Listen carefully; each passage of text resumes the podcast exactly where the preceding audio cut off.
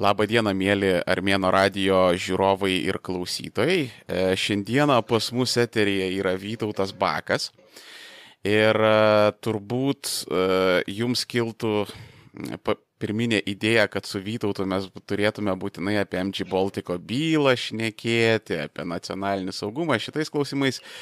Bet Aš jį pasikviečiau truputėlį kito klausimu, nes Vytautas pas mus yra ne tik Seimo narys, e, bet ir buvęs tardytojas ir ilgą laiką dirbęs e, pareigūnų profsąjungose ir e, jas kūręs, auginęs, jungęs, policijos departamente dirbęs ir jį pasikviečiau tokiu klausimu, kad mes matome, jog visuomenė labai nu, neblogai, sakysim, solidarizavosi su medikais, su mitinguojančiais e, mokytojais e, ir, ir kaip ir viskas gerai buvo. Ir dabar po e, tragiškos policijos pareigūno žuties Mažiekių rajone pradėjo lysti tam tikri sakysim, prastokie dalykai susijęs su policijos nūdienos aktualijomis ir kažkaip nelabai matosi, kad Lietuvoje žmonės taip aktyviai solidarizuotųsi su policija, kaip tai buvo, sakysim, su mokytojais, gaisrininkais ir, ir,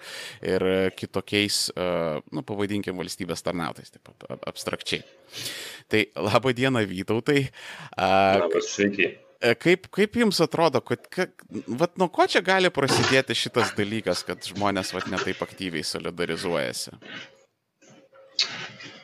A, šiaip, ta, apie tą klausimą, kada mes čia tarėmės prieš laidą, aš mhm. tikrai, nu, šiaip klausimas genialus e, ir e, jis privertė ir mane šiek tiek perkratyti tą savo veiklą ir procesus, kurie vyksta ir vyko policijoje na, fenomenas yra tas, kad policija pasitikima, bet visuomenė kažkaip jos nepalaiko taip, kaip palaiko mokytojus arba gydytojus arba ugnegesius. Palaikyti, mhm. ta prasme, būti kartu. Taip. Kita vertus, Lietuvoje mes beveik neturime tokios institucijos, gal išskyrus ugnegesius, kuria visuomenė taip pasitikėtų. Tai mhm. va, policija, sutinkat, 75-8 procentai pasitikėjimas policija yra, e, yra kažkas e, unikalaus, nes jį išsiskiria visų kitų institucijų kontekste, ypač e, turint minti tai, kad, na, vis tiek policijos funkcija kartais yra ir bausti, ir prižiūrėti tvarką, ir pasakyti pastabų, Ir čia šioje vietoje a, a, tikrai unikalu yra tai, ką pasiekė policija per pastruosius dešimt metų. Mhm. A, sutikime, ne? A, dabar, kada a, kalbame apie pasitikėti, a, a, to lygų palaikyti, akivaizdu, kad taip nėra. Ir aš, aišku, galiu tik svarstyti, kodėl taip yra. Reikia, aišku, gilesnių tyrimų, aš galvoju, kad vis tiek, jeigu policija, tarkim, kad ir po tų jaunų žmonių mitingo, tūkstančio uh, žmonių mitingo. Čia apie Black Lives Matter mitingą. Jo, jo, jo, mhm. jo. Vis tiek, jį, nu, jeigu šiaip vertinti visumą, jį vis pademonstravo uh, tam tikrą agresiją. Na, galbūt nebuvo, uh, tai daugiau psichologinis momentas, nebuvo tokių mhm. aktyvių fizinių veiksmų, bet devyni tyrimai, jų eskalacija, žiniasklaidoje, ta prasme, nu, tikrai nusintė žinutę ištisai kartai.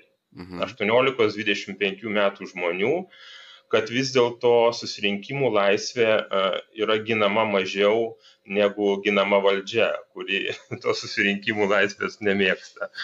Aišku, tai nėra kažkokia katastrofa, aš manau, policijos galvos, vadovai visgi turi galimybę pagalvoti apie tai, kad policija nėra vien nusižengimų fiksuotoja, pavyzdžiui, mhm. kada žmonės padaro nusižengimus, bet ji turi ginti ir platesnės laisvės, tokias kaip laisvė ir teisė susirinkti taikų susirinkimą ir jaustis patogiai. E, policija neturėtų gėdinti, kažkaip persikėti dėl to. Jeigu yra pažeidimai, taip, bet uh, uh, va, tas, man atrodo, tas paskutinis atvejis su tais jaunais žmonėmis galbūt galėtų būti atsakymas į tą klausimą, kodėl pasitikima, bet nepalaikoma. O kaip Jūs manote, aš, aš turiu tokią hipotezę, kad galbūt dalis to Black Lives Matter protesto nesijimsiu sakyti, koks tai yra nuošimtis. Aš nemanau, kad tai yra didelis nuošimtis, bet galbūt uh, dalies jaunuolių motivacijos uh, užsirašyti ant plakatų tai, ką jie užsirašė, nusakysim, tai buvo parašyta atvirai Fuck the Police, kada dar uh, Dieve, užkrito pavardė Žymantas Berots pareigūnas, taip, kuris e, žuvo Mažiekių rajone. Dar, dar jo turbūt net pašarvot nebuvo spėję, kai vaikai užsirašė ant plakato tokius dalykus. Ir Ar jūsų nuomonė tai negali būti atgarsiai, e, sakysim, baudžiako užkaseka, sakysim, tų tokių labai nemalonių rezonansinių istorijų, kai, pavyzdžiui, e, klubus kaip fabrikas ateina ten su Omonu su kaukiam, sakysim, šmanuoja, ten visus guldo ant žemių ir tenais išima kelias suktinės ir kelias amfės tabletės. Ar, ar, ar tai e, negali būti susišaukiantis dalykai jūsų nuomonė? A, Na, aš gal pradėsiu nuo pareigūno, nuo tragiškos e, pareigūno žūties. E, Ji, mano galva, aš pakankamai gerai žinau tą situaciją, esu mhm. kalbėjęs su žmonėmis, kurie e, pažinojo tą pareigūną, pats buvau laidotuvėse, taip pat aš, visi žmonės praktiškai tą mano bendradarbiai, buvę, kuriuos buvo prieš 10 metų, 15 vis dar dirba policijoje, mes tikrai nieko bendro neturi pareigūno žūtis ir aš manau su, su šituo jaunų žmonių protestu ir kurie tai daro, jie, nu, jie yra žiaurus, jie elgesi labai blogai, jie elgesi nesuledžiai. Iš tiesų pareigūno žūtis susijusi su kiek kitokiais dalykais. Su viena vertus mūsų apskritai pareigūnų bendruomenės pareigūnų tuo, kad, kaip pareigūnų bendruomenė vertina grėsmės. Nu, ką aš turiu minti. Pavyzdžiui, prieš kokių 2000 metais e, Lietuvos pagrindinė grėsmė buvo organizuotos gaujos. Mhm. Šaudydavo, sprogdindavo žmonės, reketuodavo. Ir kai mes įveikėm tą organizuotą nusikalstamumą, kurį mes visi prisimenam, tarsi visa visuomenė atsipalaidavo. Mes nusprendėm, kad grėsmių nėra. Bet jeigu pasižiūrėti tą vadinamą būtinę, būtinę agresiją, mhm. kada kalbu būtiniai konfliktai, įtampos visuomenėje, įtampos šeimose, e, Lietuva apskritai ir ES mastu čia, na, jos negalima būtų pavadinti saugia šalimi, ta prasme, būtinės agresijos prasme. Ir va štai būtinė agresija, ko gero, mes nekreipiame tiek dėmesio, nu, jos tiek nesureikšminame, mhm. kad tai taip pat yra grėsmė ir, ir, ir žmonių sveikatai ir gyvybei, ir pareigūnų, kurie, pavyzdžiui, reaguoja į įvykius, į pažeidimus. Ir a, tas toks, a, ne, ne tai, kad atsipalaidavimas, bet tos būtinės grėsmės rizikų nuvertinimas, jis sukelia a, jau, man atrodo, kasmet sukelia tokias skaudžias nelaimės. Jeigu aš ne kasmet, maždaug kas keletą metų, jeigu aš gerai prisimenu, prieš keturis metus lygiai tuose pačiuose telšiuose, telšių mhm. apskrityje turiu minti, taip pat buvo nužudytas pareigūnas. Kitaip tariant, e, ir sėti tai su vaikais, bandant paaiškinti, kad čia nepagarba policijai yra absurdas. Antras momentas. Fact the police turinys nebuvo nukreiptas prieš policiją. Aš manau, jauna LRT žurnalistė puikiai paaiškino tą subkultūros galbūt dalį, ne, mhm. ką reiškia fuck the police. Gali būti atsitikti. Tai yra visų pirma protestas prieš valdžią arba protestas prieš na, valdžios agresiją. Jo, kas, tarkim, kas įvyko Amerikoje ne, ir dabar per visą pasaulį pa, išplito tas judėjimas. Iš esmės tai yra protestas prieš valdžią. Lygiai taip pat fuck dėl polys galima užrašyti ant keliuko, kuris veda į Narkevičiaus sodybą. Tarkim, mhm. ne, protestuojant prieš korupciją. Ir tai bus e, protestas prieš korupciją. Aš manau, kad e, čia yra nesažininga ir m, e, kiek aš žiūriu, e, tarp, nu, sakysim, kitose šalyse situacija, politikai kažkodėl, ypač konservatyvių pažiūrų, kažkokiu būdu stengiasi pušinti tą situaciją, ją mhm. išnaudoti ir visiškai beprasmiškai. Aš manyčiau, kad yra e, visiškai atskiri du dalykai. Aš esu ten e, net ir skaitęs tų nuomonių, kad kuo, kuo giliau į dešinę politiškai pasižiūri, kuo žmonės, kurie komentavo šitą Black Lives Matter a, mitingą, tai, sakysim, 8 iš 10 iš viso sakė, kad e, tos devynios bylos čia per silpnai, reikėjo su čeriomokom, vandens patrankom padaryti banano balių, kad žinotų jaunimas savo vietą. A, bet, a, pavyzdžiui, a, aš, sak, nežinau, jeigu aš, pavyzdžiui, būčiau vat, vat, Lietuvos imperatorius, sakysim, mane pastato į tokią poziciją. Ir, ir aš, e, kaip aš tą situaciją deeskaluočiau, tai aš, pavyzdžiui, būčiau pasiuntęs pareigūnus e, su ten kokiais, nežinau, e, migdolų pienuku, ten kambučia varpučių sultimis, nes nu, mes žinom, kokia ten auditorija susirinko, su sojos veganiškais burgeriais ir tiesiog pasišnekėti su tais vaikais, kad paaiškinti, kad e, žiūrėkit, mes suprantam, kad jūs protestuojat, viskas tvarkoja, bet mums nelabai malonu yra į tą plakatą žiūrėti.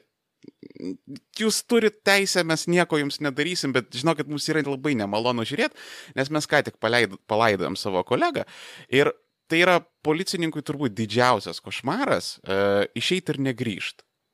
E, nes tu, tu palieki savo šeimą, e, mes matėm tą situaciją, kad, sakysim, šio policijos pareigūno uh, šeimai parama buvo surinkta ten jo kolegų, ten aplinkinių žmonių, žodžiu, kas aukojo, valstybė palyginti nedaug prisidėjo. Ir man vat klausimas būtų jums, gal jūs žinote, kodėl, pavyzdžiui, policija nepasirinko tos alyvos šakelės kelio, bet jinai atėjo per policininkų įžeidimą, ten tos devynios bylos ir taip toliau, vat, kodėl negeruoju? Matot, vis tiek mes turim didžiulę patirtį, kad to, to vadinamo, na, kada policija buvo labiau žiūrima kaip į represinę struktūrą. Mhm. Ir, na, ta patirtis taip greitai nedingsta, netgi ir kartom pasikeistus, e, toks auklėjimas ir, ir matyt, nuosėdos lieka. E, kita vertus, aš, e, važiuoju, lygindamas kitų šalių policijas ir, ir, ir, ir vertinimą jų veiksmų, aš, mes, man teko dalyvauti Eurocop tinkle, labai daug bendrauti su praktiškai visos ES šalių policijos e, atstovais, nevyriausybinių organizacijų ten veikiančių lyderiais. Na, tai e, yra, yra ir kitesnių pozicijų, pavyzdžiui, e, pietų Europos ypatingai šalise. Mhm. Na, norėčiau galbūt pripažinti, kad policija ir be tos sovietmečio patirties yra gerokai agresyvesnė. Okay. Jo, jo. Tai, aišku, ten ir, ir visuomenė, protesto kultūra yra, e, to anarchistinė kultūra yra gerokai didesnė, jeigu kalbėt apie prancūzus. Jo, bet uh, uh, dabar jeigu grįžti į Lietuvą, aš manau, viena priežastis yra ta, kad mūsų valdžia labai bijo protestų. Aš kalbu apie valdžią, tame tarpe ir pats esu valdžios atstovas. Man pačiam yra tekę būnant vadovaujant profesiniai sąjungai organizuoti ne vieną protesto akciją. E, čia ir pareigūnų protesto akcija. Be abejo, jo, nusiauti batus ir a, aš mačiau, su kokiam stigmom ir patys pareigūnai susidūrė iš, nu, išeiti ir pasakyti savo nuomonę mhm. į gatvę. Ne? Bet valdžia bijo protestų. Aš jau minėjau, įsivaizduokit, a, kada jauni žmonės, niekieno nesusijęs su jokiom partijom, su jokiom grupėm, tiesiog jiem e, jie nėra abejingi tam, kas vyksta, na, galbūt supranta savotiškai, mes galim diskutuoti teisingai, neteisingai, bet mes, na, žmonės, kurie, kurie savo nepasitenkinimą nusprendė vat, išsakyti tokiu būdu, taikių protestų. Jo. Mm. Ir tai buvo netikėtumas. Aš manau, tai šokiravo ir kiek aš girdžiu diskusijas ir, vat, sakysim, Seime ir, ir kiek, kiek girdžiu apskritai diskusijas, tarkim, žiniasklaidoje, aš manau, tai šokiravo, nes visuomenė Lietuvoje pagal tą aktyvumą socialinį, protestų kultūrą, ne, asociacijų laisvės įgyvendinimo lygį reiškia, dalyvavimą yra, na, yra Europos Sąjungos vadovėje. Ir aišku, aš galvoju, kad a, a, policija vadovybė paskubėjo sureaguoti ir pasmerkti.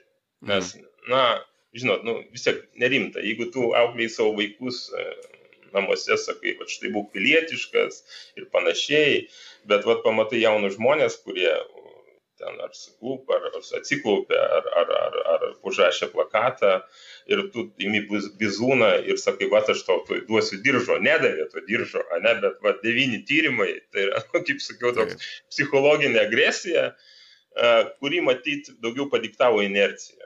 Mūsų mhm. tiesiog tam tikra patirtis. Aš žinau, kad policijoje yra, pavyzdžiui, formuojami tie vadinami dialogo grupės, tą, ką jūs kalbat, alyvos šakelė.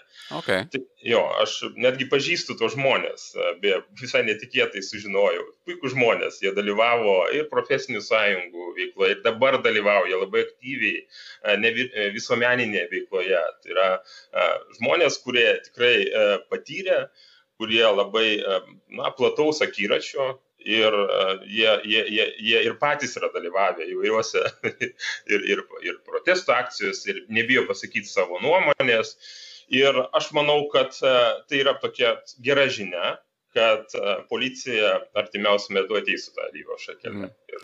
Ir, kad tai mes, proveržys. Jo, kad mes einam tą linkmę, tai čia yra absoliutus faktas, nes aš atsimenu, aš dar buvau užtikęs tą epochą, aš pradėjau vairuoti uh, Man rodos, 2004 metais, tai kiek čia 15-16 metų atgal gaunasi, gavau teisės, tai dar atsimenu, būdavo mm, kelių policininkų, kurie reikalaudavo kyšių a, tuo metu. Ta prasme, ne tai, kad už Uh, kai, kai, kai, kai tu bandydavai išsipirkti už kažką blogo padaręs, bet tiesiog stabdydavo tave už bileką ir ten prašydavo. Uh, A, tai aš, aš dar buvau užtikęs, bet ta jau epocha greitai pasibaigė. Aš, tarkim, vat, nuvažiuoju pas savo giminės į Armeniją ir aš jiems pasakoju, kad dabar jau Lietuvoje nėra šansų, kad, sakysim, tu girtas už vairo išsipirktum.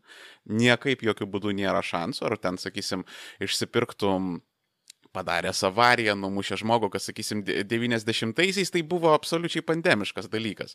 Ir kitas iki žmonės tai darydavo net uh, E, turiu omenyje pareigūnai tai darydavo, nes nu, ne, ne, nebūtų ko šeimą maitinti. E, e, kai, kai kuriais atvejais tai buvo tiesiog tai baisu. Ir mes tikrai daug nuėjom ir aš galiu net papasakoti pavyzdį iš, kaip pasakyti, mūsų gyvenimo, kai mano draugė vienas iki gauna skambutį, kad laba diena, jūsų brolis padarė avariją, jinai uh, pasiuntė tą žmogų tikrąją to žodžio prasme, pasakė ten asilė, iš kurio zonos skambinio, pasirodo ten policijos pareigūnas skambino iš tiesų ir sako, kad uh, žiūrėkit, rimtai jūsų brolis ten apibraižė kažkokią mašiną, nuvažiavo ten kažkokios peripetijos aš jų tiksliai neatsimenu, bet žodžiu sako, mes norėtume kažkaip taikiai šitą dalyką išspręsti. Nors tas pareigūnas galėjo visiškai nesukdamas galvos nieko neieškoti, turim numerius, ten ekspertizė, visa kita, viso, kabinam ant to jaunikaičio ten vis, nors nu, ten nubrėžimas, nubrozdinimas čia nėra, kai tas jau ten, sakysim, išgėręs už vairo, ten atsitrenkė į mašiną, ten rimtai ir ten bėgo, ten, ne, ne, nu tiesiog, vat. Tai ma, mano nuomonė yra nu, labai gero policininkavimo kaip pasakyti, pavyzdys ir tokių pavyzdžių daugėja. Bet pavyzdžiui, ko man trūksta šiuo momentu, kad vis dar nekalba policijos pareigūnai. Vienas kitas tik tai išeina ir pradeda kalbėti apie savo problemas. Kažkoks dar yra, nežinau, tylėjimo įžadas profesinis, kaip tą dalyką pavadinti, tą brolyje, sakysim, labai labai laikosi. Kaip, e, kaip jums atrodo, kodėl toks vat, yra bendras tylėjimas, kaip šitą dalyką net pavadinti neįsivaizduoju? Mm. Na, gal aš biškai sureaguosiu į pradžią, kai jūs pradėjote nuo korupcijos. Aha. Iš tiesų, mm, aš dar pas prisimenu na, to, tuos laikus, kai, e, kai kurie, nu, sakysim, ta, kai kurie vadovai užmerkdavo akis dėl to, kad dėl lėšų trūkumo, pavyzdžiui, kelių policininkai e, įsipildavo kūro už uždirbtus pinigus. Ne? Mhm. Buvo baisus laikai, iš tikrųjų, net tai, tai 2000 metai, 90-2000, kada policija buvo nuskurdinta. Ir čia taip pat unikalu tai, kad be jokios valdžios pagalbos, politikų, sakysim, pati bendruomenė per dešimt metų tapo viena skaidriausių institucijų. Apsivalė Lietuvoje, pati iš savęs. Apsivalė pati jo. Mhm. Uh, bet tai, buvo, tai, tai, tai nebuvo duotybė. Tai uh, aš atsimenu tą laiką, transformaciją labai sudėtingą, kada toks buvęs jau dabar generalinis komisaras Visgirdas Teličienas mhm. atėjęs pasakė, sako, uh, mums reikalingas policijos vadovas ir policininkas su žmogišku veidu. Tai reiškia? Jo kalba, reiškia, nu, jo, kal, jo kalba, viena iš pirmųjų kalbų prisistatant po paskirimo. Ir ten policininkas mhm. turi būti su žmogišku veidu. Tai yra jautrus, būti tarp žmonių, žmogaus pagalbininkas. Tada prasidėjo apskritai misijų formavimas, o kągi veikia policija tuo metu. Apskritai nebuvo nei aiškios misijos, kurią suprastų žmonės. Ne? Ginti, saugoti, padėti, juk tai nesenas visai yra šūkis. Ne, jam gal jo, jam pakų... nedaugiau dešimties metų, jo, jo, būtent, kažkas. Būtent tuo metu prasidėjo diskusija apie tai, ką turi daryti policija. Ir jinai mhm. buvo labai didelė. Buvo daromi specialūs forumai, kas buvo visiškai netikėta e, iš, tiek patiem na, vadovaujančiai grandžiai, tiek patiem policijos pareigūnam kada buvo stengiamasi išsiaiškinti, kaip jūs sakote, paskatinti žmonės kalbėti, įsitraukti į veiklą, ne tik vykdyti kažkokias funkcijas, kurios surašytos, bet įsitraukti į veiklą. E, ir dabar e, ta tradicija, na, kiek aš ją matau, jinai tęsiasi. E, be abejo, pastaruosius ketverius metus reikia pripažinti, e, tos diskusijos buvo tam tikras sumažėjimas ir pakankamai ryškus apie tai kalbėjo pati bendruomenė, bet tai yra daugiau, aš manyčiau, organizacinės kultūros ir lyderystės klausimai. Nu, mhm. Pati bendruomenė, ji e, yra tikrai drąsi ir turi tradiciją kalbėti. Tas lūžis yra įvykęs, tas pokyčio lūžis 2000, prasidėjęs kažkur 2007-2008 metais yra įvykęs. Ir ten diskusija kultūra pakankamai yra aukšto lygio tikrai. Mhm. Gal jį buvo šiek tiek nuslopusi. Aš labai daug, na,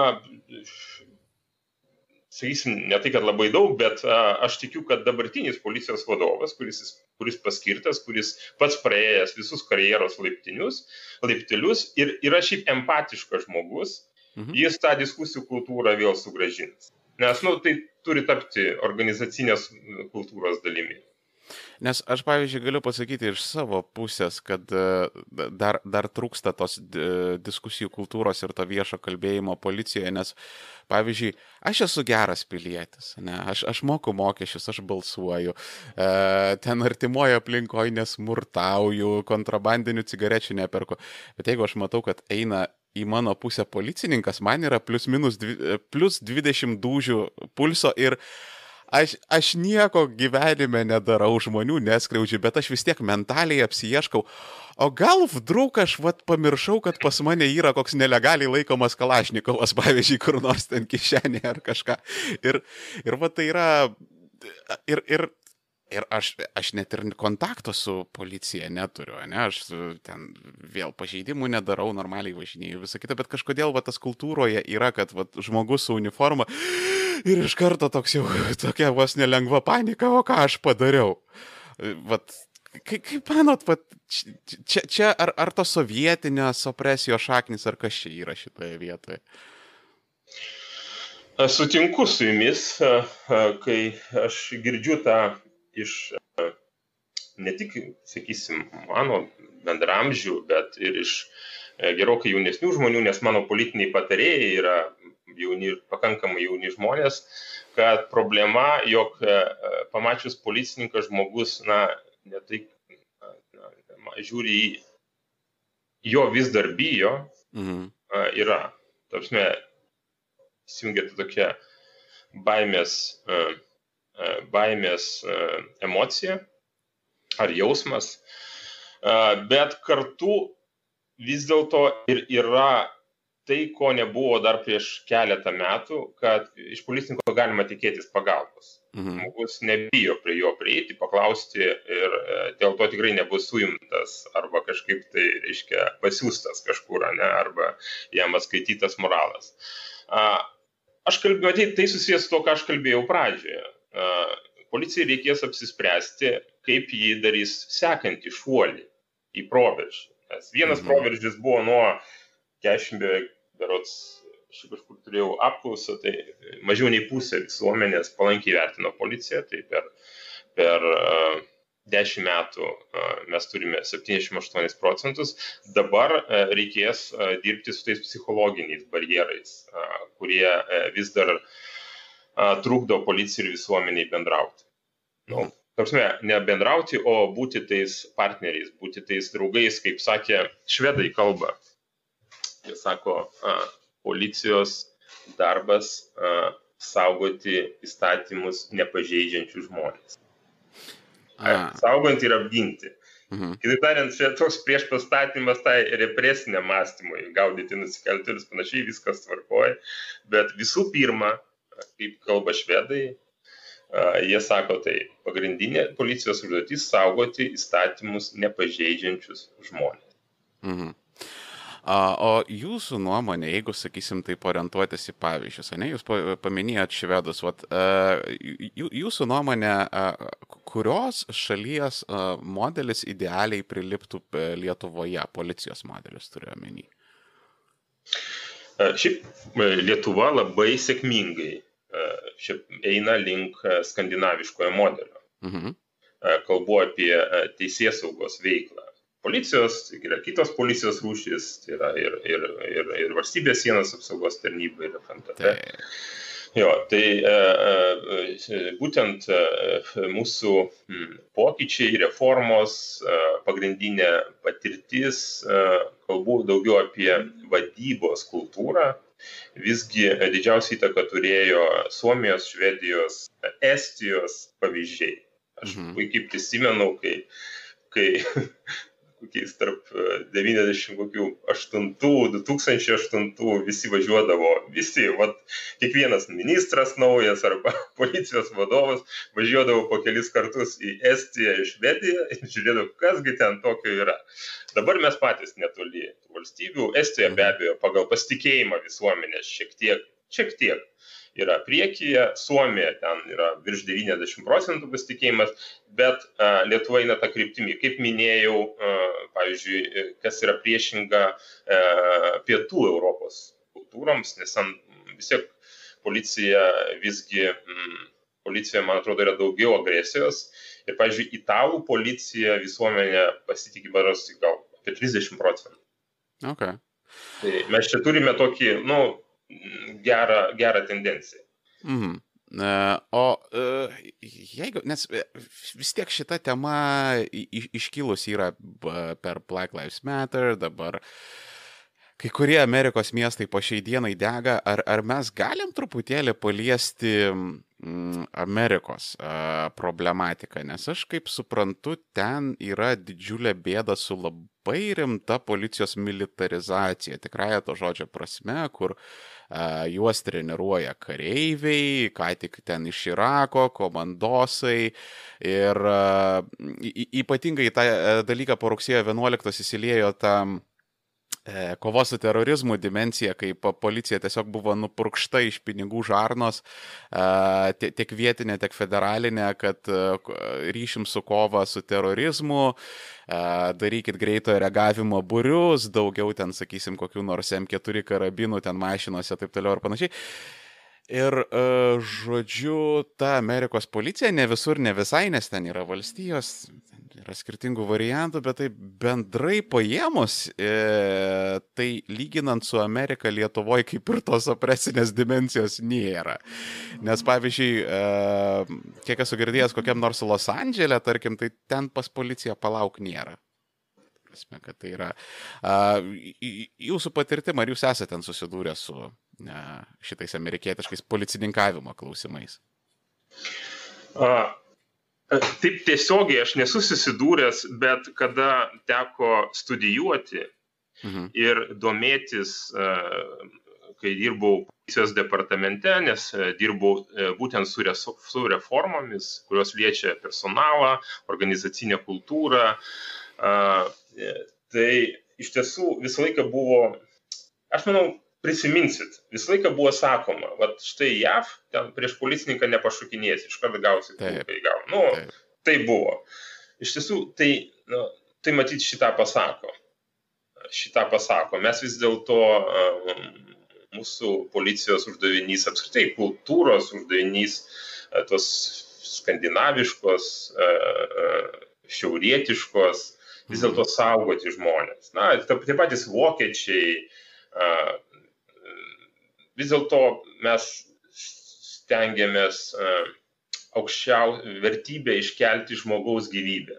Netgi ir žmogus, kuris yra, rim, daro rimtus nusikaltimus, stengiamasi padaryti viską, kad jį kuo mažiau sužeistų. Net ir mus taip rengia. Aš pats baigiau policijos akademiją, mūsų taktikos dėstytojai, kovinių jungtinių veiksmų, ypatingai policijos taktikos.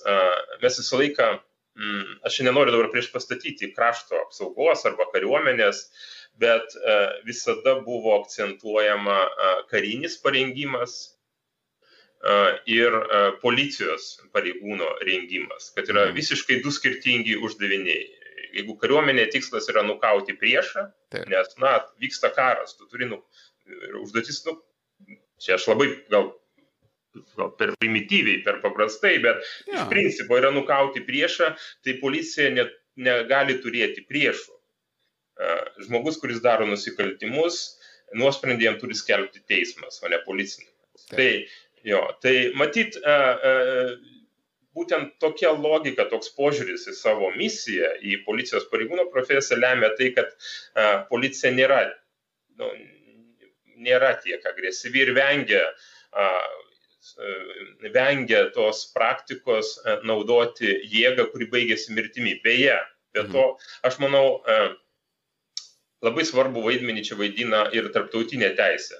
Pavyzdžiui, Europos žmogaus teisų teismas a, savo keliuose sprendimuose, kada policijos pareigūnų, a, policijos pareigūnų a, susidūrimas su policijos pareigūnais baigėsi mirtimi žmogaus, a, pasakė, kad visais atvejais yra pažeidžiama konvencija, kada atimama mhm. gyvybė. Jokiom aplinkybėm gyvybės atėmimas nėra pateisinamas. Net šitai. Be abejo. Mm, okay. Nes aš, aš, pavyzdžiui, esu kalbėjęs su Vytautu Sirvyčiu, kuris yra garsus, kaip pasakyti, baudžiamasis advokatas. Tai jisai man yra pasakojęs, kad Lietuvoje policininkui mirtiną jėgą naudoti yra labai sunku. Ta prasme, e, daug, daug visokiausių normatyvų, atitikimų, visi jie yra labai abstraktus, teismas vertina kiekvieną atskirai ten pagal situaciją ir žiauriai, žiauriai yra šito klausimu sunku, kai tuo tarpu Amerikoje yra visiškai įprasta, kad, sakysim, tave sustabdo uh, kelių, politi kelių policininkas, tave sustabdo, nu, ten vėlgi nuo valstybių priklauso, kaip jie ten skirstosi, bet uh, tave sustabdo kelių policininkai ir visiškai įprasta, kad jis jau ateina uh, pasidėjęs ranką ant pistoleto ir jau pasyta tas pistoleto dėklas, jau jisai yra atsektas ir jau jis yra pasiruošęs, jau uh, jo, jo net raumenys yra įsitikęs įsitempia, kad jeigu ką jisai operatyviai išsitraukia ir, ir tave nukauna vietoje. Ir dažna atveju tas policininkas būna išteisinamas, nes ten visokiausių precedentų yra daug labai. Bet uh, jeigu grįžtant truputėlį prie pačios Lietuvos, uh, man toks klausimas. Apie ką tyli policininkai? Nes aš periodiškai matau, uh, iškyla kažkokios rezonansinės istorijos. Ne? Nu, tarkim, nukovė dabar kinologą Žymantą, berots jo tokia pavardė buvo. Irgi prieš keletą metų minėjot, ten žemaitieji buvo vienas nušautas, dabar kyla klausimas. Peilius, peilius. Teisingai, teisingai, teisingai pamiršau. Ir dabar iškyla klausimai tenais dėl neperšaunamų lemenių. Žymanto atveju čia toks nedidelis ekskursas. Aš nemanau, kad būtų padėję, nes man atrodo tenais iš tos vadinamos vadinamos tril, triliniaiko šaudė, tai ten, nu, šovinys, ta prasme, yra, e, tai ten tokia jau labai rimta turėjo būti, neperšaunama lemenė. E, bet, sakysim, tokie kartais išlenda keisti dalykai, kur, e, pavyzdžiui, Šiauliuose čia buvo tokia gauja policininkų, a, kurie ten reketuodavo nusikaltelius ir jie buvo relatyviai jauni, palyginus. Ir kažkas jau man buvo signalas, kad kažkas buvo negerai su atrankos sistema. E, periodiškai pasigirsta dalykų, kad trūksta policininkų, yra miestų, kur patrulių labai trūksta. Žodžiu, e, mes matom, kad visi išlenda kažkokios įlos, e, pasirodo galiukai. Bet policija dar apie tai nešneka. Pavyzdžiui, iš paminėtinų dalykų man tai atrodo, kad galbūt net ir policijai trūksta um, ruošimo, kad galbūt jie mažai laiko praleidžia pratybose visokiose, nes kaip parodė mm, Brasas, berots pavardė buvo to žmogaus, kuris nušovė pareigūną žymantą Mažiekių rajone. Uh, Tai iš pradžių buvo informacija, kad jis tarsi pabėgo, po to jis surado, negyvą sudegusi name, reiškia kažkokia sumaištis buvo, Molotkovo istorija irgi reiškia kažkokia. Žodžiu, Aš, aš matau tokių problemų, kad man atrodo, kaip ir sakiau, kad per mažai jos, aišku, ir finansavimo bus problema ir daug, bet, bet, bet ap, apie jas taip nėra šnekama. Uh, kaip, kaip apie, kaip pavyzdžiui, medikai išeina pašnekėti, mokytojai išeina pašnekėti, ne? Tai vad toks dvigubas klausimas jūsų pusė. Apie ką tyli policininkai pagrindė, ne? Galbūt mes čia galim įvardinti ir palikti kažkokias esminės problemas, gal, gal jos kažkaip išsivaikščios po visuomenę, čia pirmoji pusė. O antroji pusė, o, o kodėl jie tyli? Žinot, dabar, aišku, jūs pabandysiu atsakyti iš tokių kelių pusių, ne? Labai gerai. Jūs išsikir, išsikirpsit, kas jums įdomu, bet gali būti viški užtrukti atsakymas iš karto. Labai gerai. Pirmas dalykas, galbūt nuo ko norėčiau pradėti, kad kalbėti apie problemas, kurios apie silpnybės ir apie problemas, su kuriomis susiduria žmogus, policininkas, kariškis, yra nevyriška. Suprantat, mm. tai nėra mačio. Mm -hmm. Tai nėra kieta. Kalbėti apie tai, kad a, a, žmogus susiduria su, tarkim, kažkokiamis problemomis, ar jam trūksta, a, ar jam reikėtų kažko, kažkokių priemonių, žinių, tai, tai, tai, tai tiesiog vėlgi nėra mūsų visuomenės kultūros dalis, netgi ir su tais pačiais gydytojais atkreipti dėmesį, kad per koronavirusą atsiskleidė tokių dalykų, apie kuriuos met nesvajot negalėjom medikų pasaulyje. Ir, pavyzdžiui. Nu, pavyzdžiui, a, a, mobbingas, a, mhm. a, a, aprūpinimas gydytojų, Taip. tarpusavio santykiai, ten vyresni, jaunesni, ne, su Marijampolės, Klaipėdos, Kauno ligoninės, kur buvo realiai žmonės, na, tiesiog neturėjo kaip priimtos ligonis, neturėjo elementarių apsaugos priemonių. Mhm. Jo, tai mes apie tai nežinojome. Aš dėl to čia neišskirčiau vien policijos.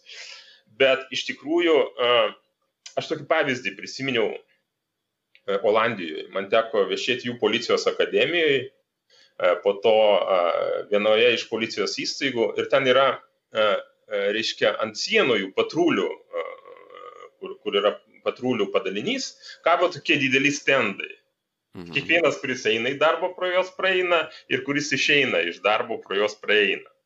Ir tuose stenduose ten dėliota tokia lentelė į keturias kategorijas, žodžiu, jų esmė ta, kad pareigūnai, kurie baigė tarnybą, turi pažymėti, kas, kas ir buvo blogai, kas gerai, ką galima pagerinti. Pagal keletas ryčių, ten tarnyba, aprūpinimas ir taip toliau, kelios rytis. Tada kiekvieną rytą eina patrulių vadas ir žiūri į tos stendus mhm. pasižiūri, kokios yra problemos ir jis daro nedidelius arba reikia, reikia atvirio tyrimus, aptarė susirinkimuose. Vienas pavyzdys, kuri mus nustebino. Vienas iš užrašų buvo tai, kad vienam padaliniui policijos na, grupiai patrulių užsikirto ginklas, kai jie ten sulaikinėjo nusikaltėlį.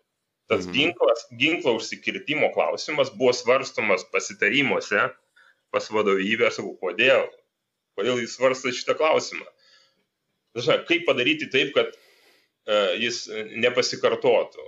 Kitas pavyzdys yra, uh, uh, nesuveikia radio stotis. jie net nieko nesulaikinėjo. Jie kažkaip tai važiavo iš kvietimą, išsiskyrė ir vieno mhm. pareigūno radijos stotis nesuveikė. Jie įsvarsto pasitarimuose, daro atvejo tyrimą. Sako, kodėl jūs tai darote? Sako, man buvo atsakymas toks. Sako, gali atsitikti taip, kad kada pareigūnui grės pavojus, jis neišsikvies pastiprinimų. Mhm. Vien dėl to, kad sutriko ryšys. Kitaip tariant, uh, tuos klausimus, pavyzdžiui, švedai, olandai, Olandai labiausiai pasaulyje pažengė, jie tai vadina pareigūnų saugos, nu, tai yra saugios tarnybos klausimai, saugos ir sveikatos klausimai. Mhm. E, ir e, tai ne tik žodžiais rūpinamas į žmogėmis, kad vat, pirmiausia tarnyba yra žmogus, bet ir veiksmais. Prasme, tarnyba tobulinama mokantis iš klaidų, jas analizuojant ir jas šalinant. Lietuvoje tokios kultūros nėra. Aš netgi atsimenu prieš du metus, kai žuvo tas peiliu, nuo peilio pareigūnas, labai sunkiai buvo daroma atvejo analizė. Aš tada regis siūliau pataisas įstatymo, kad atvejo analizė buvo įdėta, būtų įdėta įstatymus. Kad mes, ta prasme, nu, jeigu atsitiko tokia nelaimė, ne, ne tai, kad ieškotume kaltų, Mhm. O atvejo analizė reikalinga tam, kad detaliai pasikvietus ekspertus išnarstyti sekundės, minutės tikslumu, ką galima buvo padaryti geriau, kas buvo padaryta ne taip, kad kitą kartą apsaugot žmogaus gyvybę. Tai kalbant apie, jeigu paskutinį pareigūno atvejį, aš e, taip žinau, kad lemenė nebūtų apsaugojusi, bet e, reikėtų žiūrėti, aš gal nu, mes ir su generaliniu naujų komisariu kalbėjom e, šiek tiek plačiau. Klausimas, kaip atsitiko tai, kad žmogus, kuris turėjo rimtą ginklą, iš kurio mhm. buvo nušauta pareigūnas, buvo medžiotojas, kiek žinau, nelegalus. Apie tai, kas nebuvo žinoma, kad jis šaudydavo iš to ginklo karts nuo karto e, galimai nelegaliuose medžioklėse. Mhm. Apskritai, tai nemažytis kažkoks ginkliukas, tai rimtas ginklas, kuris Taip E, kurio e, kaunamoji galia, man atrodo, virš dviejų kilometrų. Jo, su geru optiniu taikikliu galima su juo virš kilometro jo, ramiai. Tai, tai e, šioje vietoje aš manyčiau, kad reikia žiūrėti ne tik į lemenę, bet į tai, į klausimą, pavyzdžiui, kodėl tas ginklas nelegalus buvo pas tą žmogų. Hmm. Kas turėjo pasirūpinti tuo, pavyzdžiui, kodėl žvalgybos, kriminalinės žvalgybos sistema nesuveikia, kodėl nebuvo išsiaiškinta ir laiku nepaimtas tas ginklas. Mhm. Tai yra daug klausimų, vietos, taktikos klausimai vietoje kalbu apie vykimą į tokį įvykį, kada šiaip jau jeigu būtų e, žinoma, kad pas tą žmogų yra neregalus ginklas, būdėtojas, kuris siuntė pareigūną į tą vietą, pas jį užsidegtų kompiuterio lemputė, kad galimas pasipriešinimas. Taip, kad žmogus okay. gali turėti nelegalų ginklą ir mhm. panašiai. Mhm. Tai aš vis dėlto manyčiau, kad reikėtų pasidaryti labai rimtą atveju analizę ir galbūt imtis tokių sisteminių veiksmų tobulinant pareigūnų veiklą ir parengimą tame tarpe Aš dabar žinau, kad e, generalinis komisaras e, e, kalba apie tai, kad kiekvienoje policijos įstaigoje na, numatomas tam tikros vietos, kur būtų, būtų, kur būtų pakabėtų pareigūnų, kurie žuvo vykdant tarnybą nuotraukos, kur mhm. galima būtų prisimintos pareigūnus ir prisiminti, koks pavojus gali tikoti kiekvieną kartą išvykstant į įvykio vietą bet aš kas yra gerai, kad lyginant prieš du metus, aš čia visai užbaigiu, žmonės net tų lemenių, prieš keturis metus, kada žuvo tas pareigūnas, net aprūpinimo tinkamo neturėjo. Apie lėmenes, apie, apie priemonės. Dabar situacija pasikeitusi. Dabar žmonės yra aprūpinti, tos grėsmės yra po truputėlį suprantamos, bet aišku, organizacinės kultūros pokyčiams reikia didesnio laiko.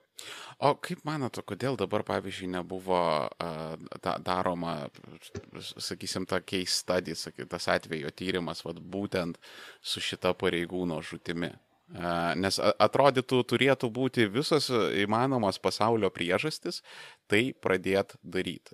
Nes į, įvairios uh, policinės procedūros, įvairios taktikos ir strategijos, tai dažnu atveju yra ant kritusių pareigūnų kaulų šitie dalykai padaryti. Jūs, kaip sakėte, vat, per, per klaidas yra mokomasi.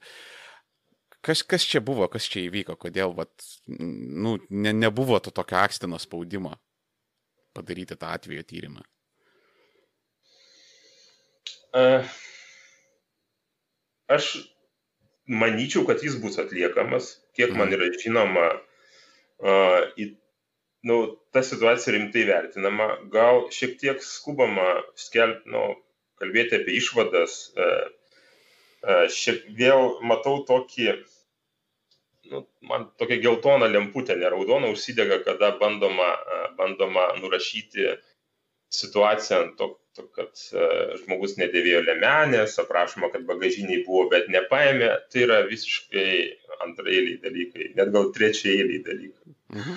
Aš, e, nežinau, gal jūsų laidą pasižiūrėjęs policijos e, bendruomenė, policijos vadovai, bet aš manyčiau, kad reikėtų atvejo tyrimo ir net, net neuždaro, tam reikalingas biškelį platesnis įsitraukimas, prasme, ir ekspertų, ir sociologų, ir kriminologų, kurie galėtų tą situaciją išnarplioti po kablę, e, po, po e, iškia, e, smulkiausią detalę. Smulkiausiam detalėm. Mhm. Pradedant nuo žmonių, kurie dalyvavo rengimo sistemoje, galbūt reikalingų esminių pokyčių keliant žmogų kvalifikaciją, nes šitas pareigūnas buvo ne, tikrai ne, ne tas, kuris ten dirbtų 2-3 metus, tai buvo patyręs žmogus. Jis dirbo, man atrodo, apie 20 metų, mm. neklystu. Tai čia reikalinga analizė ir e, pradedant nuo kvalifikacijos kelimo ir baigiant kiekvieną rytą vykstančių ar nevykstančių instruktažų, e, būdėtojo e,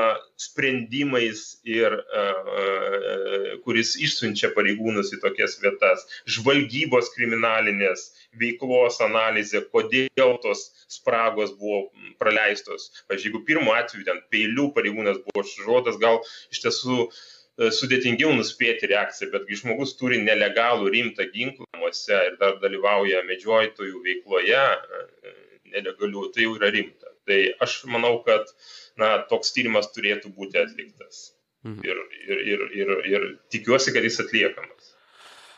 O žiūrėkit, e, man toksai dar susidaro įspūdis, kad, nu, čia vis tiek nėra taip, kad uh, yra ten blogo komisaro problema ar ten blogo ministro problema, nu grubiai išnekant, nėra to tokio vieno, kur ten paėmėjai, uždėjai antrankius, nukišai tenais į kalėjimą ir viskas išsisprendė. Vat visi geri ir laimingi ir patenkinti. Ne? Nu, kažkur, kažkur vis tiek visi dalyvauja. Ir aš matau, kad e, šitoj problemui dalyvauja ir pati visuomenė. Ir ką aš to turiu omenyje.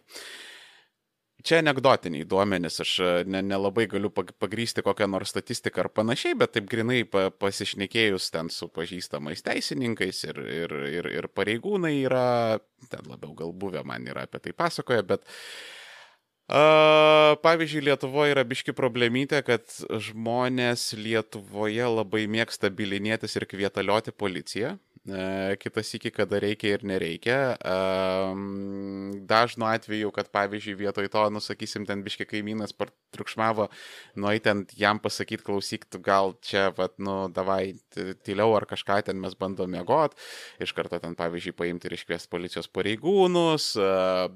Jūs kaip Seimo narys turbūt irgi susidarėte su ta žmonių neatsakingumo, kur ten turbūt kokie nors skambučiai, kad uh, man užpylė rūsi, ką jūs dėl to padarysit, vytautai bakai, sakysim, ten uh, tokie klausimai. Uh, pats Seimas, jūs turbūt irgi matot iš vidaus, kad uh, labai daug yra leidžiama įstatymų ir taisyklių uh, ir tada uh, tie įstatymai ir taisyklės virsta į planus uh, policijai, uh, tie planai transformuojasi į uh, mm, sakysim, ten kokias nors kvailas iniciatyvas, kaip tas, sakysim, garsusis fabriko atvejis, kur, kaip aš ir minėjau, ten e, transliacijos pradžioj, kur ten nu, tiesiog mano nuomonė, tikrai nereikėjo ten vesti žmonių su kalašnikovais ar ten su šturmo karabinais, kad ten patikrinti, ar klube kažkas kažko nevartoja ir nieko blogo nedaro.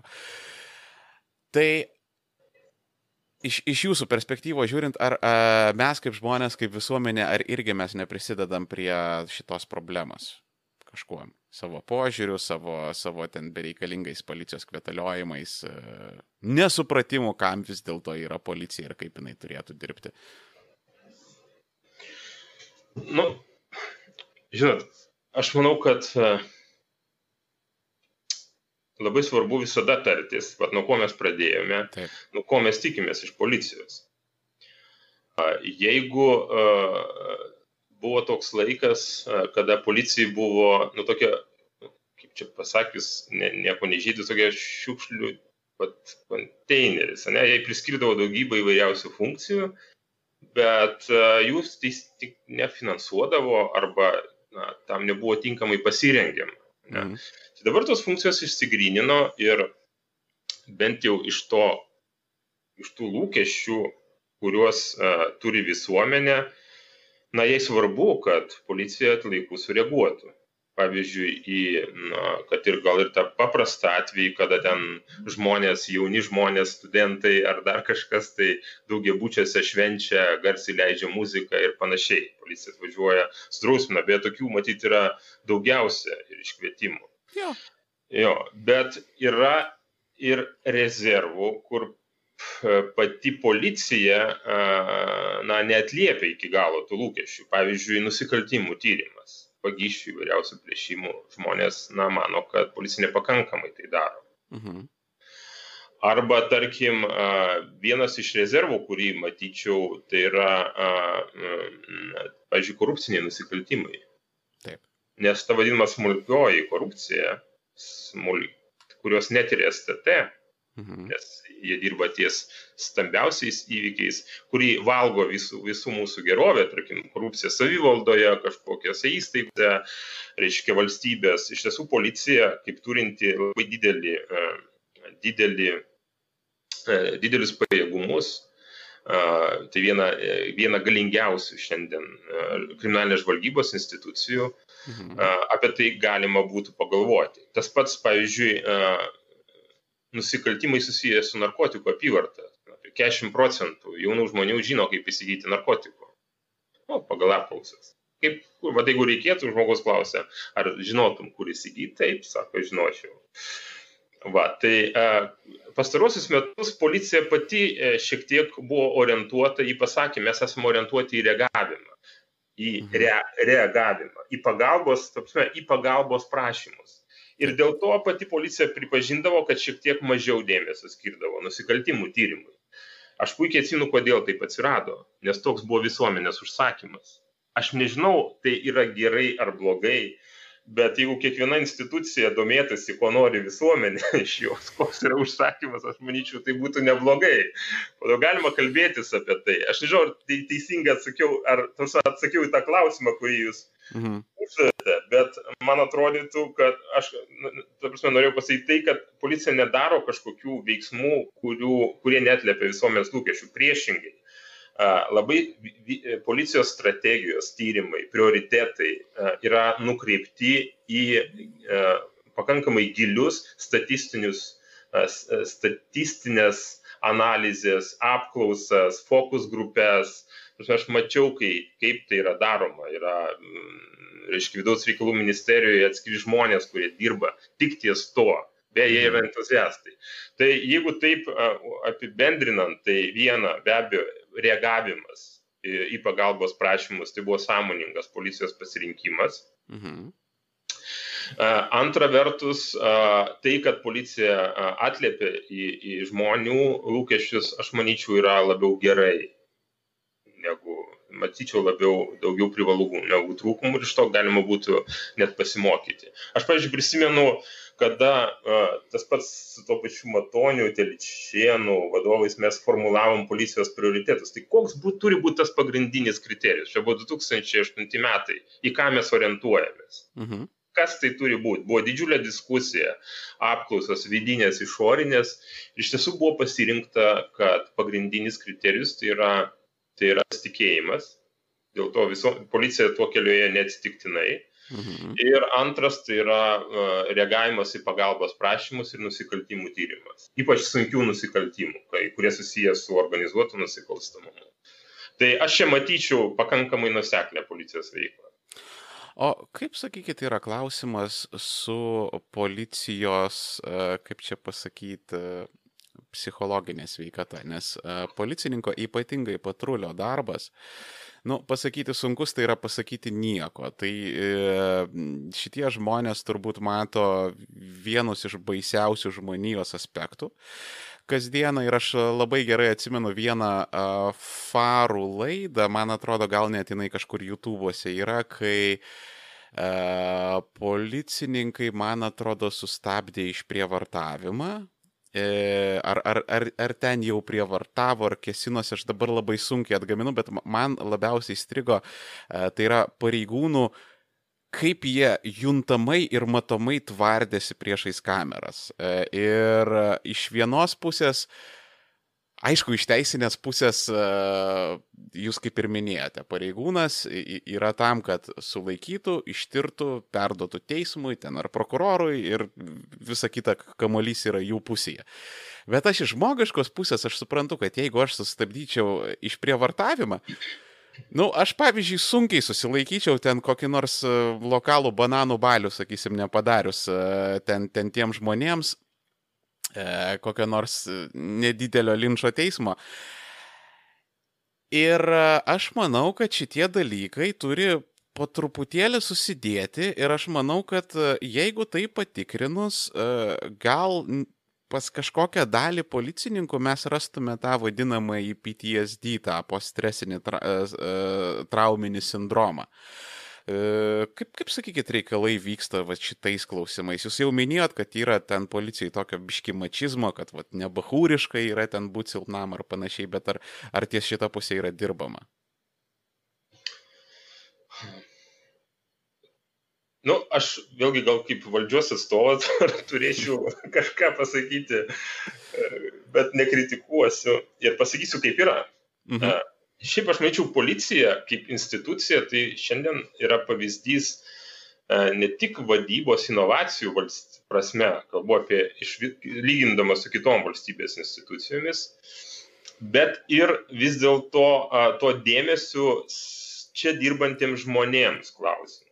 Mhm. Nu, a, nu, kodėl aš tai sakau? Tarkim, iš tiesų a, iki kokių 2000 14-15 metų tikrai pareigūnai atvažiuoja ar iš eismo įvykio vietos, kur tikrai būna kraupus vaizdai ir kur, e, po kurių reikia atsigauti kelių dienų psichologiškai. Aš tai savo patirties žinau, nes teko važiuoti į įvairias įvykio vietas per dešimt tarnybos metų ir norisi, e, aišku, tuo metu nesusimastai, ten daugiau, nu ką, nu, cigaretės, mhm ane, gal po to alkoholis, nu, neslėpsiu, to, toks, tokie laikai buvo, bet 15 e, metais, 14 metais e, policijoje buvo e, rimtai pasižiūrėta į tuos pagalbos sistemą ir jau tada pirmieji policijos departamentas, jie pradėjo steigti psichologų tarnybą. Šiandien jinai veikia. Mhm. Tada juokėsi visi, tikrai. E, vat, e, aš prisimenu šiemet, e, kada gydytojų sąjūdis iškėlė psichologinių problemų klausimus medikų bendruomenėje, kad reikia psichologinės pagalbos, prisimena dar prieš koronaviruso. Taip, reiškia, ir labai daug buvo kalbama, kad gydytojai negauna psichologinės pagalbos. Iš tiesų, prisiminiau tą laiką, kada policijoje mes sukūrėme psichologinės pagalbos tinklus. Padarėme aprašus, kada pareigūnas, kada psichologas dalyvauja, pavyzdžiui, prieš rimtas operacijas. Mhm. Policijos, ne, ateina psichologas, e, jis yra pakviečiamas, su juo galima pasitarti, arba jisai pats patarė, kaip elgtis prieš, na, arba po rimtų operacijų, tarkim, po e, nužudimo įvykių, po įvykių didelių pareigūnas gali ateiti pas psichologą ir pasitarti. Tai tą galbūt galima ją tobulinti, bet psichologinės pagalbos sistema policijoje veikia. kas neveikia, ką mes galime judėti toliau, ne tik policija, bet ir medikai, kurie, šiaip medikų darbas irgi susijęs su vienu didžiausiu stresu, yra pasauliniai tyrimai, tarptautiniai turiu minti tyrimai, tai vadinamos savipagalbos grupės. Aš jas irgi mačiau, kaip jos veikia, tarkim, Švedijoje arba Olandijoje. Mhm. Kada a, tiesiog žmonės tokiuose teisės saugos įstaigoje veikia savipagalbos grupės, kada žmonės susibūrė panašaus likimo, pa, pa, panašius dalykus patyrę ir jie kalbasi, jie išsikalba, nes po tokių įvykių reikia išsikalbėti, yra irgi labai efektyvi priemonė. Uh, Ir aš manyčiau, kad, aišku, jis siejama daugiau su, ne su valdžios veiksmais, kiek su pačios bendruomenės stiprėjimu. Jeigu, tarkim, profesinės sąjungos, asociacijos, būtent tos bendruomenės, kurias sudaro pareigūnai arba ten medikai arba tos ryties darbuotojai. Tik jie gali uh, inicijuoti arba užkurti tas, tas tradicijas ir savivalgos grupės ir psichologinės tarnybas ir, ir panašiai. Tai čia policija taip pat uh, išsiskiria, uh, psichologinės pagalbos veikia, žinau, jos uh, per, per, perėmė, kai vadovauja NSGK, mes uh, panašius, panašias tarnybas stiprinome krašto apsaugos sistemoje. Ten irgi aktyviai dalyvavo, beje, inicijavo būtent pačių karių bendruomenės, buvusių karių bendruomenės, mm. kurie, pavyzdžiui, dirbė e, specialiuose misijose arba, e, iškiria dalyvavę kariniuose rimtuose veiksmuose. Ten netgi atsirado toksai, e, netgi specialus specialūs darbuotojai, kurie teikia pagalbą traumą patyrusiems arba su trauma susidūrinčiams kariškiams. Mhm. Netgi taip. Tai pasirodo. Tai aš čia taip labai jo, gal, gal turiu, neturiu galimybės čia kritikuoti ir tikrai žinau, kad, kad reiškia, dėmesys tai žmogaus psichologiniai būsenai bent jau policijoje yra skiriamas. Policija pasienyje. Tai sakysim, jeigu taip e, bendrai paėmus ir rezumavus, e, jeigu policija nenušoks e, staiga nuo bėgių, jeigu staiga nieko tokio neordinaraus neatsitiktų, tai iš esmės galima tikėtis, kad per einant metams po truputėlį mes galiausiai turėsime tą jau, nu, sakysim, išsvajotą skandinaviškąją policiją, kur, a, aišku, visada bus, visada atsiras prie ko prisikabinti, visada atsiras kažkokių tenais vidinių problemų, aš nebijoju, kad ir tie patys ir švedų ir olandų policininkai turi nusiskundimų. Bet bendras trendas yra pozityvių pokyčių link, jeigu aš gerai suprantu. Uh, Jo, bendras trendas, inercija yra pozityvių pokyčių link ir tai rodo rezultatai. Ir, mhm. Bet aš vat, stebiu dabar Seimo, reiškia, darbo tvarkė kai kurios klausimus, nu, kurie, kurie, kurie, kurie gali sugražinti arba pristabdyti pokyčius. Pavyzdžiui. Nu, nu, pavyzdžiui, yra vėl, tarkim, keičiama karjeros sistema kas mhm. buvo vienas svarbiausių klausimų žmonėms. Nes vis tiek tu ateini 20 metų tarnau, 25. Žmogus, kuris renkasi e, tarnybą policijoje, nu, jis, nu, jis paprastai turi žinoti, ką jis turi daryti, kad ta tarnyba būtų sėkminga, kad jis padarytų karjerą, kad jis galėtų tobulėti ir daryti karjerą ne tik vertikaliai, bet ir horizontaliai. Pavyzdžiui, būti geriausiu kriminalistu. Mhm. Arba būti geriausiu ten, sakysim, vat, tos tyriejų, ne, mhm. arba patrulių, arba eismo priežiūros specialistų. Bet, bet aš matau tokius E, tokius e, iniciatyvas, kur bandoma policija vėl, na, kaip čia pasakius, politizuoti. E, yra, jeigu anksčiau policijos vadovas skirdavo, dalyvaudavo paskirime prezidentas, vyriausybė, ministras, Seimas, tai dabar jau paskirimas priklauso tiesiogiai nuo policijos, nuo vyriausybės vadovo. Vadovų paskirimai atsisakoma konkursų. Tai vat, pas, čia yra pastarųjų dienų e, naujovės. O čia ir, jau labai blogai man skamba. Jo, jo, tai lyg ir bandoma centralizuoti tas Aha. jėgos vadinimas struktūros viesos, vienos rankose. Tai nėra gerai. vis tiek teisės saugai turi būti maksimaliai nepriklausoma. Ji, ji neskirta tam, kad tarnauti valdžiai ar aptarnauti kažkokį politiką ar politikų grupę. Visų pirma, ji skirta visuomeniai. Ir kai reikia, policija turi būti, ta prasme, gali atsitikti tokiu atveju, kada policijai e, svarbu parodyti, jog ji yra visuomenės pusėje kada, e, kada pavyzdžiui, yra duodami neteisėti įsakymai. Mes turėjom tokių pavyzdžių, kada policijai buvo labai sunku apsispręsti, teisės saugai turiu mintį, kad ir 2008 metais, kai reikėjo šaudyti kulkomis žmonės. Aš jums pasakysiu taip, e, tada vadovau viena iš profesinių sąjungų ir tas padalinys, kuris šaudė iš tų kulkų, mhm. Na, čia didelė gum... dalis, jo, guminių, to ja. padalinio žmonių atėjo į būstinę profesinės sąjungos ir uždavė tokį klausimą. Sako, ar mes turime teisę nevykdyti įsakymų, kai mums nurodo, pavyzdžiui, ministras, mhm. naudoti jėgą prie žmonės, bet e, mes matome, kad tai yra neadekvatu, to neturi būti. Mhm. Tai e, aš čia ne, neskatinu jokio anarchizmo, bet e, na, reikia, yra konstitucijos norma. Valdžios įstaigos tarnauja žmonėms.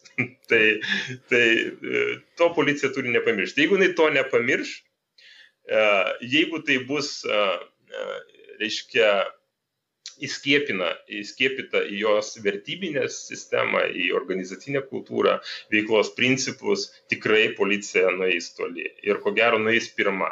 Mm. Link skandinaviškojo modelio, jeigu, jeigu lyginti su kitom institucijom. Nes man yra pati baisiausia ta, ta gynyba, kad dura lex et lex, ką aš galiu padaryti, čia man įstatymai, aš gavau įsakymą, tai čia, nu taip, Nürnberge žmonės šnekėjo, čia man, man atrodo nepridara policijai. Ir aš sakyčiau, kad Lietuvos policijos DNR vis tiek turėtų būti tas uh, pasipriešinimo valdžiai ir stojimo į žmonių pusę genas kažkoks turi būti, nes juk uh, sausio 13 tai Rygos Omona ne šiaip savo vežė, todėl kad uh, kariuomenė, nu, tada jau pasiskelbusios nepriklausomos Lietuvos, bet vis tiek uh, kariuomenė, policija, KGB, jie vis tiek buvo prisiekę Sovietų sąjungai. Ir jie, nu, absoliuti jų dauguma pasakė, mes nesikišim. Ir, ir sovietų valdžia turėjo ten vežti žmonės iš velniai žino kur, apšerti dar juos amfę, nes ten buvę vietoj žmonės pasakojo, kad nelabai tie žmonės buvo adekvatus, kurie šturmavo. Ir mes jau tą geną turim savyje kažkokią, kad va, nesvarbu, kad tada jie vadinosi milicininkai, nesvarbu, kad kažkokia dalis ypatingai tų karininkų buvo atleista jau tenais valantis, jau po nepriklausai, bet vis tiek tas dalykas yra ir man, pavyzdžiui, Man labai yra šilta ir malonu e, klausyti jūsų, kad kažkokie pareigūnai ėjo ir klausė, ar mes galime nevykdyti įsakymo. E, nes man tikrai būtų buvę baisu, jeigu, jeigu niekas nebūtų kvestionavęs, nes tai jau būtų tada, nu, nežinau, mane pavyzdžiui tokie dalykai gazdina. Jo, aš irgi tikiu, žinau, kad tas genas yra ir e, tą jūs paminėtą sausio 13, e, aš apie ją galvojau ruoždamas šitam laidai kitame kontekste. Mhm. Būtent sausio 13-osios karta buvo aktyvi, ėjo į gatves, į, į protesto akcijas, į mitingus ir tai ir lėmė, kad didžiaja dalimi, iš esmės, kad mes šiandien turime nepriklausomą valstybę. Ir reikia nepamiršti, kad pareigūnai šiandienos, man atrodo, irgi turėtų nepamiršti, kad ir tie lokalūs susirinkimai, mažesni susirinkimai, kurių jau e, po sausio 13-osios e, mes praktiškai neturėjome. Mūsųgi žmonės iš esmės e, labai vangiai eina protestuoti. Taip. Jo, nu, maksimum komentaras Facebook'e, kokia nors peticija, jo, bet mes apskritai neturim tos protesto kultūros. Ir aišku, pro, kai kurie ir valdžios grupės žmonės, kurie mato, kad na, visuomenė toleruoja, pavyzdžiui, korupciją tą pačią. Tai viena iš tų sričių, kur valgo visų ateitį, ne, valgo mhm. visų gerovę. Nu, tai štai ten atsiranda tokie tokio kelių istorijos, namų renovavimo istorijos, pasinaudojant mokyklom ir darželiam ir ką, ir nieko. Mhm. Ir, ir mes tarsi, na, nu, tada tie sprendimų prieimėjai, kurie turėtų, pavyzdžiui, paprašyti pasitraukti tokio politiko, reiškia, iš vyriausybės arba iš, iš, iš, iš, iš komandos, na, irgi žiūri, dairosi į visuomenę, kiek yra tolerantiškai tokiam elgesiui. Tai aš manyčiau, kad uh, policijos, galbūt užbaigsim tuo, ko ir pradėjau. Policijos darbas yra ne tik rašyti protokolus ir fiksuoti pažeidimus. Jos užduotis ir, ir, ir tai yra tokia nuomonė laikosi daugelio Europos šalių policijos visų pirma sudaryti saugias sąlygas pareikšti savo nuomonę tiems žmonėms, net jei yra kažkoks nepatinkantis plakatas. Nes vienas mhm. plakatas negali nusverti a, pačios pamatinės laisvės žmogaus. Ne? Ir tai vienas iš demokratijos stulpų, reiškia pasakyti savo nuomonę. Žmonės turi jaustis jaukiai ir nebijoti eiti susirinkimą, kad jie gaus butelių, ar juos išvels policija, ar po to ant jų pradės kokius devynis tyrimus ir tai eskaluos. Mhm. Nusme, turi jaustis gerai, jaustis saugiai tame pačiame susirinkime. O kaip pavyzdžiui, policijos požiūriai yra, va aš norėčiau, yra vis tiek rezonansinis dalykas, taip, baudžiakas už kaseką. Jaunimui tai yra labai labai aktualu. Nu, tai, tai skamba primityviai baudžiakas už kaseką, bet tai yra įvairiausių narkotikų kriminalizavimas. Uh, Ir man, e, mano pozicija yra, kad e, tai yra pakankamai perteklinė teisės norma, kad e, jinai įtraukia per daug policijos resursų į, į, į, į tą vietą, kur galbūt nėra labai didelės problematikos. Ir kažkaip reikėtų kitaip šitą klausimą spręsti. Ne? Čia mes matom iš Laisvės partijos, ten eina kalbos, kad gal ten gydykim, nekriminalizuokim, ten, tada. Bet man šiaip yra įdomi visų pirma, jūsų nuomonė ir gal jūs dar galėtumėt papasakot, o apskritai a, policija ką galvoja apie šitą normą, taip jeigu grubiai generalizavus. Viduje turiu omenyje, neoficialią poziciją. Bandyk, bet... Jo, bandykim grubiai. Iš tiesų, narkotikai ir jų prieinamumas visuomenės nuomonė, vėlgi aš žiūriu į užsakovus, mhm. yra viena didžiausių problemų. Po vagysčių plėšimų ir po to narkotikai, ne? nes jie yra mhm. prieinami ir e, e, tie kasekai ten, nu, pasitūsinti kažkur tai, ne, iškiai yra viena, bet mes kalbam apie rimtą, apie, e, apie rimtas problemas, rimtus atvejus, kada žmonės, kada, nu, griūna žmonių gyvenimai, likimai, gyvybės, sveikata. Bet kas, vat, yra įdomu, dėl ko aš nesu šalininkas baudžiako už kaseką Mm. Man didžiulį įspūdį paliko irgi lankymasis e, Olandijoje ir aš kalbėjau apie tai, ką vat, mes su jumis kalbam su policijos akademijos e, pro, prorektoriumi. Olandijos policijos. Didžiulė akademija, įspūdinga ten, tasme, įspūdinga infrastruktūra, biblioteka. Ir, kaip žinote, Olandijoje yra legalizuoti narkotikai. Jo, jo galima nusipirkti jų. Ne? Aš jo klausiu, sakau, o kaip vat jūs žiūrite į tą legalizavimą narkotikų, į pačią problemą? Jis man pateikė paprastą atsakymą, kuris gali generalizuoti mūsų diskusiją. Jis sako, taip, pas mus narkotikai prieinami, bet jeigu pasižiūrėsite a, statistiką, a, narkotikų vartojimas Olandijoje yra vienas mažiausių Europoje.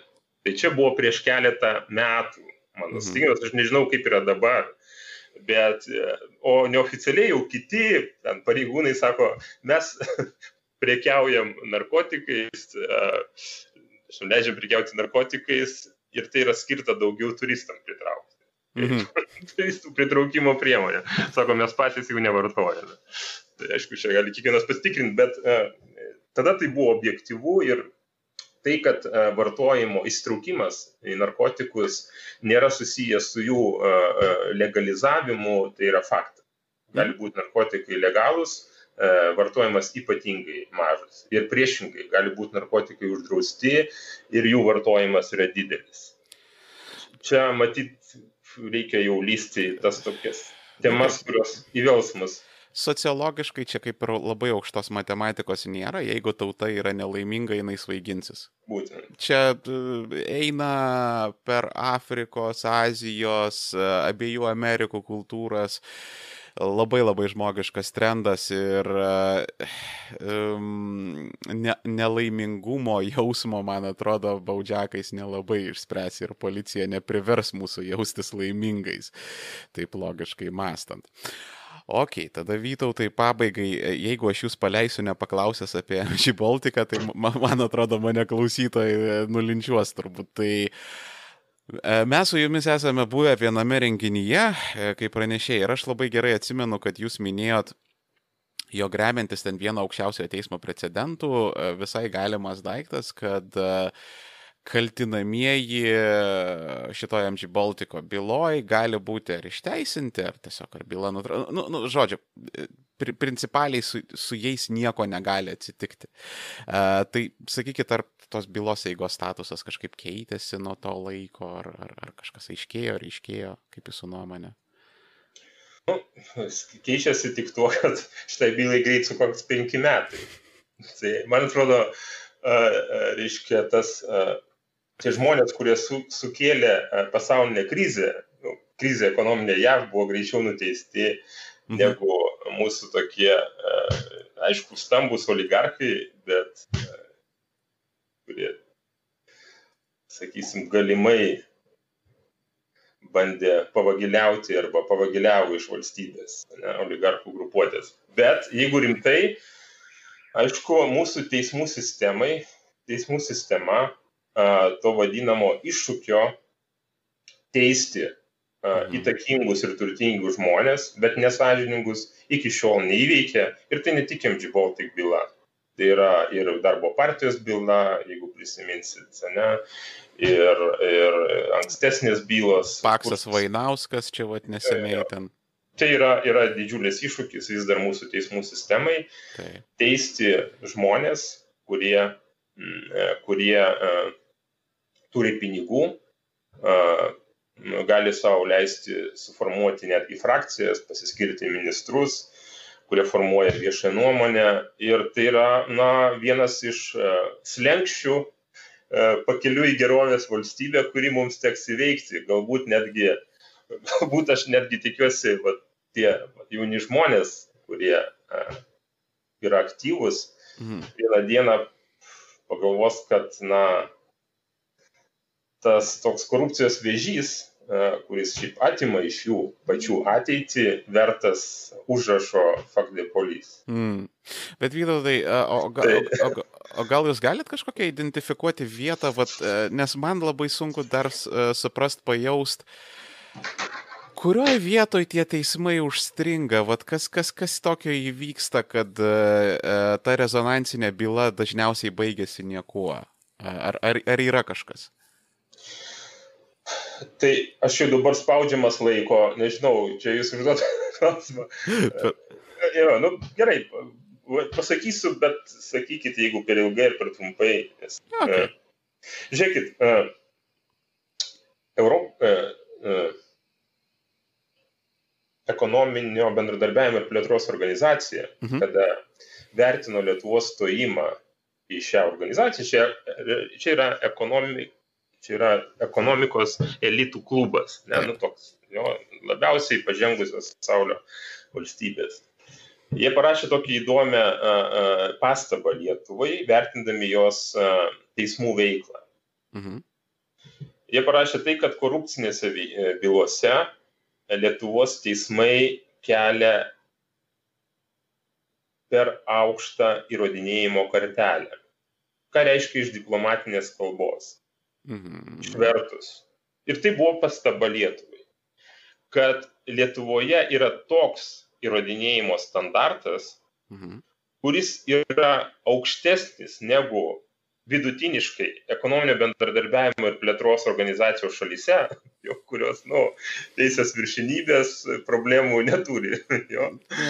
But...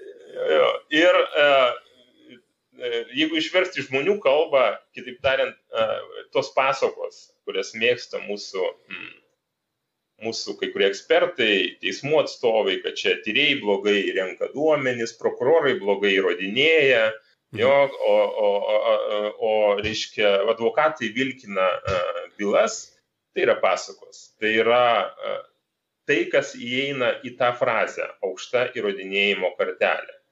Aš esu, aišku, pats detaliai nagrinėjęs visas nuosprendžius, kurie buvo priimti Lietuvoje per pastarosius dešimt metų korupcinėse bylose patikėkit manim, nu, yra daromi tokių, reiškia, priemonių įmamasi, kad žmonių nenuteisti, kurie teisiami už kyšius. Mhm. Tai ne tik terminai, tai yra formuojamas naujos praktikos. Nu, paskutinis pavyzdys buvo, dėl ko griuvo daug bylų arba yra rizika sugriūti, kad pas teisėjus negalima daryti kratų. Nu, vienas teisėjas apeliaciniam teisme sėdo ir parašė, uh, uh, reiškia, nagrinėdamas advokato skundą, beje, taip pat e, vieno iš teisėjų teisimo byloje, kad vat štai visi duomenys, kurie surenkami padarius kratą pas teisėjus, yra nieko verti, nes tai tokia krata yra neteisėta mhm. ir jais negalima grįsti kalties. Ką tai reiškia? Kad visos bylos turėtų griūti. Kas įdomu, kad, nuos, kad tokią išvadą patvirtino išplėstinė aukščiausiojo teismo kolegija. Mhm. Tai jūs įsivaizduokit dabar, e, jeigu e, kažkas mato, kad teisėjas įma kyšius ir nori pas jį padaryti kratą, jis turi eiti į Seimą ir prašyti, kad jis leistų daryti kratą. Iškai registruojamas Seimo nutarimas, viešai svarstomas komitetuose, ne? Mhm. po to Seimų počiošių salėje, kad pas tą teisėją leisti daryti kratą. Nu, juokinga, bet va štai tokius sprendimus teismai priima. A, Kiti pavyzdžiai be abejo vilkinimas. E, penki metai dabar tyriamajam G Baltic e, nagrinėjama byla. Nu, tai yra nepateisinama. Dešimt metų darbo partijos byla. Tai, va, tai yra visa tai, kas įeina per aukštą įrodinėjimo kartelę. Aišku, pusė sakys, kad čia reikia viską išnagrinėti labai preciziškai, bet aš manyčiau, kad už to slypi e, viso labo nenoras teisti įtakingų daug galimybių, daug pinigų turinčių žmonės. Niekada tai negali žinot, kur gyvenimas numes. Sunku pasakyti, bet čia jau turėtų, čia jau reiktų galbūt susėsti pačiai teismų savivaldai, mhm. nes yra nepriklausoma, niekas iš mūsų negali duoti kažkokių nurodymų ar, ar netgi klausimų kartais nelabai galima užduoti iš tos praktikos, kuria, kuria susidūriau. Kad... Bet uh, iš tiesų, uh, na, aš manau, kad visuomenė turi kelti, jeigu, jeigu politikai nepajėgus, tai bet kokiu atveju suverenitetas priklauso tautai, būtent visuomenė yra aukščiausia valdžia. Mhm. Uh, yra, jinai yra aukščiau negu įstatymų leidžiamoji, vykdomoji, teisminė valdžia Ir manau, kad e, pats laikas e, visuomeniai, kad ir gal susirinkus nedidelius protestus, paklausti, o kodėlgi e, Lietuvoje žmonės, kurie daro didelius nusikaltimus, kūrėsi savo gerovę iš korupcinių veikų, yra nebaudžiami. Mhm. Aš tai man... faktas. Aš, aš manau, irgi būtų labai gera idėja. Pa, per, pa, pa, at, atkėlus užpakaliukus savo minkštus ir pakuotus, ten iš, išeiti gatvę ir taikiai, tvarkingai, civilizuotai po truputėlį uždavinėti nepatogius klausimus. Tai a, gal tada ir šitą pozityvę, aktyvuojančią gaidą ir tada vytautai pabaigiam, aš jūsų daugiau neužlaikysiu. A, mėly Armėno radio klausytojai, žiūrovai ir fanatiški sėkėjai, jeigu jums patinka tai, kas čia vyksta šitame eteryje, tai apačioje yra nuo nuorodos į Patreoną, kur galite man įmesti litų į sprandinės fondą. Ir ačiū labai visiems, kas žiūrėjot, klausėt. Ačiū Jums labai Vytautai už įžvalgas ir įdomius žodžius. Man atrodo, mes dar su Jumis periodiškai pašnekėsim šitais klausimais. Ačiū Jums. Jo, ir e, visiems kuo geriausios kloties ir viso geriausio. Sėkmės Vytautai. Sėkmės. Geros vasaros. Jo.